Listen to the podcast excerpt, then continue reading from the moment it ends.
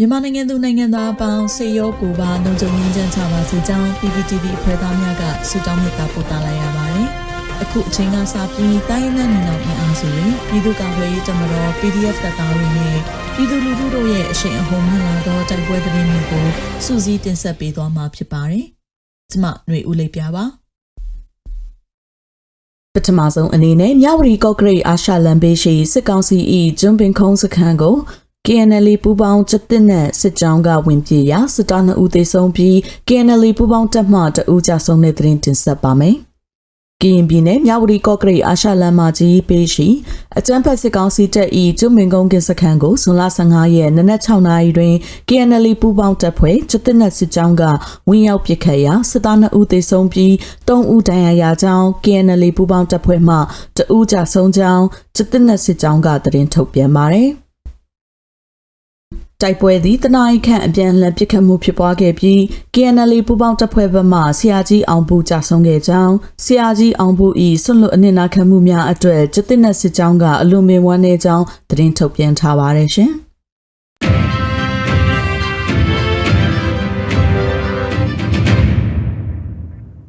ကတာတွင်တိုက်ပွဲဖြစ်ပွားပြီးစစ်တပ်ဖက်မှ40ဦးထပ်မံသေဆုံးက PDF တဦးကြာဆုံးတဲ့သတင်းဆက်လက်တင်ဆက်ပါမယ်။ စကိုင်းတိုင်းကသာမြို့နယ်တွင်ဇွန်လ18ရက်နေ့ပြည်သူ့ကာကွယ်ရေးတပ်ပေါင်းစုများနှင့်စစ်ကောင်စီတပ်များအကြားတိုက်ပွဲနှစ်နေရာဖြစ်ပွားပြီးစစ်ကောင်စီတပ်ဘက်မှ40ဦးထပ်မံသေဆုံးပြီး PDF ဘက်မှ2ဦးကြာဆုံးကြောင်းကသာပြည်သူ့ကာကွယ်ရေးတပ်ဖွဲ့ကသတင်းထုတ်ပြန်ပါတယ်။ယနေ့ကတာမြို့နယ်အရှိဘကံအင်းရွာတိုင်နယ်6မျက်နှာအင်ဂျီလန်18ကွက်အနီးတွင်စစ်တပ်ကိုတိုက်ခိုက်မှုတစ်ကြိမ်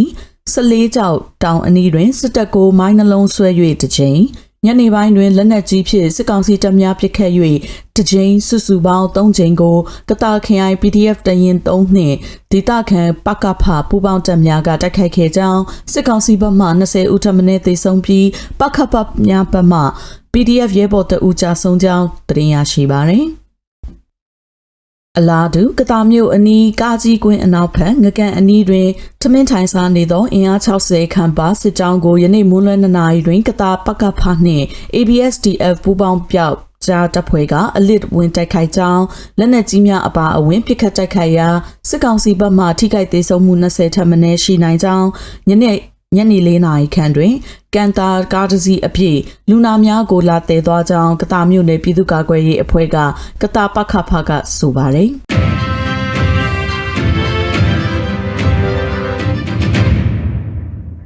ဆက်လက်ပြီးကန်ကောတွင်စစ်ကောင်စီတပ်ဖွဲ့ကို PDF ကန်ကောကနှစ်ချိန်မိုင်းခွဲပစ်ခတ်တိုက်ခိုက်ပြီးစစ်သား3ဦးသေဆုံးပြီး9ဦးဒဏ်ရာရတဲ့တဲ့ရင်ဆက်လက်တင်ဆက်ပါမယ်။ မကွေးတိုင်းကံကောမြို့နယ်ကံရွာနဲ့သက်ဆွဲထားသောအကြံဖက်စစ်ကောင်စီတပ်ဖွဲ့ကို PDF ကံကောကစွန်လ18ရက်နေ့နဲ့18ရက်တွင်နှစ်ကြိမ်ပြစ်ခတ်မိုင်းခွဲတိုက်ခိုက်ရာစစ်ကောင်စီဘက်မှ3ဦးသေဆုံးပြီး9ဦးဒဏ်ရာရကြောင်း PDF ကံကောကသတင်းထုတ်ပြန်ပါတယ်။ အဆိုပါစစ်ကောင်စီတပ်ဖွဲ့သည်ဇွန်လ14ရက်နေ့မှစတင်ကကံရွာတွင်တဆွဲပြီးအပြစ်မဲ့ပြည်သူများကိုဖမ်းဆီးခြင်းနေအိမ်များကိုမိရှို့ဖျက်ဆီးပြီးအိမ်မွေးတိရစ္ဆာန်များကိုတပ်ဖြတ်စားတောက်နေကြောင်းဇွန်လ18ရက်နေ့တွင်လက်နက်ကြီးဖြင့်နှစ်ကြိမ်တိုက်ခိုက်ရာစစ်သား3ဦးပြင်းထန်စွာဒဏ်ရာရကြောင်းသိရှိရပါသည်။ ယမန်နေ့ဇွန်လ18ရက်နေ့တွင် PDF ကန်ကောကရှေ့ထွက်ပြောင်းနှင့်ပဒေသားမိုင်းတို့ဖြင့်ထပ်မံတိုက်ခိုက်ခဲ့ရာစစ်သား3ဦးသေဆုံးပြီး2ဦးပြင်းထန်ဒဏ်ရာရရှိခဲ့ကြောင်းတိုက်ခိုက်မှုနှစ်ကြိမ်တွင်စစ်ကောင်စီဘက်မှပြန်လည်ပစ်ခတ်တော်လဲ PDF များထိခိုက်မှုမရှိဘဲဆုတ်ခွာနိုင်ကြောင်း PDF ကန်ကောကထုတ်ပြန်ထားပါသည်။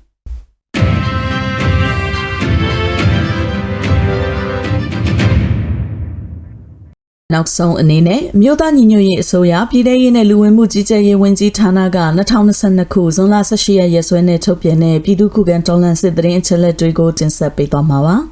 အာနာသိန်းချမ်ဖက်စစ်အုပ်စု၏ပြည်သူလူထုအပေါ်ချမ်ဖက်ဖိနှိပ်ဖန်ဆီးတက်ခိုက်တပ်ဖြတ်နေမှုများကိုပြည်သူလူထုတရက်လုံးကအသက်ရှင်သန်ရေးအတွက်မိမိကိုယ်ကိုမိမိခုခံကာကွယ်ပိုင်ခွင့်အရာပြည်သူ့ခန့်စစ် People Defensive War ကိုဆင်နွှဲလျက်ရှိပါတယ်။ တရင်ချက်လက်များအရ19ရက်6လ2022တောက်ကြနေ့တွင်စစ်ကောင်စီတပ်ဖွဲ့ဝင်139ဦးသေဆုံးပြီးထိခိုက်ဒဏ်ရာရရှိသူ30ဦးထိခုခံတိုက်ခိုက်နိုင်ခဲ့ပါတယ်